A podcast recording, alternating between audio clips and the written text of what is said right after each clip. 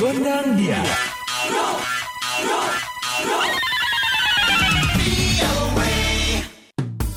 Halo halo Sobat VOA, kembali hadir VOA Gondang Dia bersama Dewi Gemini. Dan Ronan DC tentunya dari VOA di Washington. Sobat VOA, kali ini ada obrolan bersama Drew Yerkes, warga Amerika yang pernah tinggal di Wonokarto, Pacitan. Sekarang saya tinggal di, di, di Washington DC. Saat ini saya bekerja di kantor um, pemerintahan, like uh, government contractor. Sudah berapa lama kerja di kantor pemerintah Amerika? Um, hanya hanya dua bulan. Dulu sebelumnya itu saya bekerja di Amerika Latin di um, kesehatan umum. Oh, di bidang kesehatan ya? Iya. Nah, Drew, Anda ini pintar sekali berbicara dalam bahasa Indonesia. Pernah belajar di mana dulu?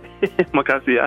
Ini karena dulu saya um, tinggal di di Indonesia selama dua tahun, bekerja sebagai guru bahasa Inggris di desa kecil, desa kecil di di Jawa Timur.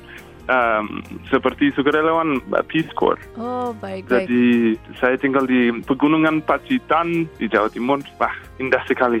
Wah, Lalu bagaimana pengalamannya selama di sana? apakah Baik sebenarnya, Mhm. sebaik eh, em, sebenarnya itu saya kangen sekali jika ada yang dari dari uh, Purwakarta, saya saya kangen em, mereka karena saya tinggal sama keluarga Indonesia eh, di desa sama ibu bapak eh, mbah dan dan juga em, dua adik itu tahun berapa, Drew? itu 2012 sampai 2014. Sudah lima Hmm. tahun di sini di, di Washington di Amerika Serikat. Waktu itu ngajar kelas berapa aja? Itu um, kelas mungkin aduh saya lupa. Em dua kelas ya, yang pertama dua tahun. Sama Oh. SMA Selama dua tahun di Indonesia, Drew pernah ke mana saja selain tinggal di Pacitan? banyak tempat uh, wisata di Jawa Jawa Timur. Um, banyak pantai-pantai yang terindah di dunia. Dan juga Sumatera Barat sama Sumatera uh, Utara. Ya? dan juga Bali, Lombok. Dan juga negara bagian lain jalan di Malaysia. Tapi banyak-banyak tempat di Jawa Timur dan Indonesia. Oke. Tapi juga untuk saya, saya pikir bahwa I really did like my village. It was a very beautiful place. So yes, I would travel in other places, but I really felt at home Mhm. in my village. Very nice. Oke. Jadi itu bukan uh, kota Pacitan, tapi eh, namanya desa Wonokarto. Oh. Wonokarto itu seperti satu jam ke kota Pacitan. Itu di, di pegunungan terpencil mungkin.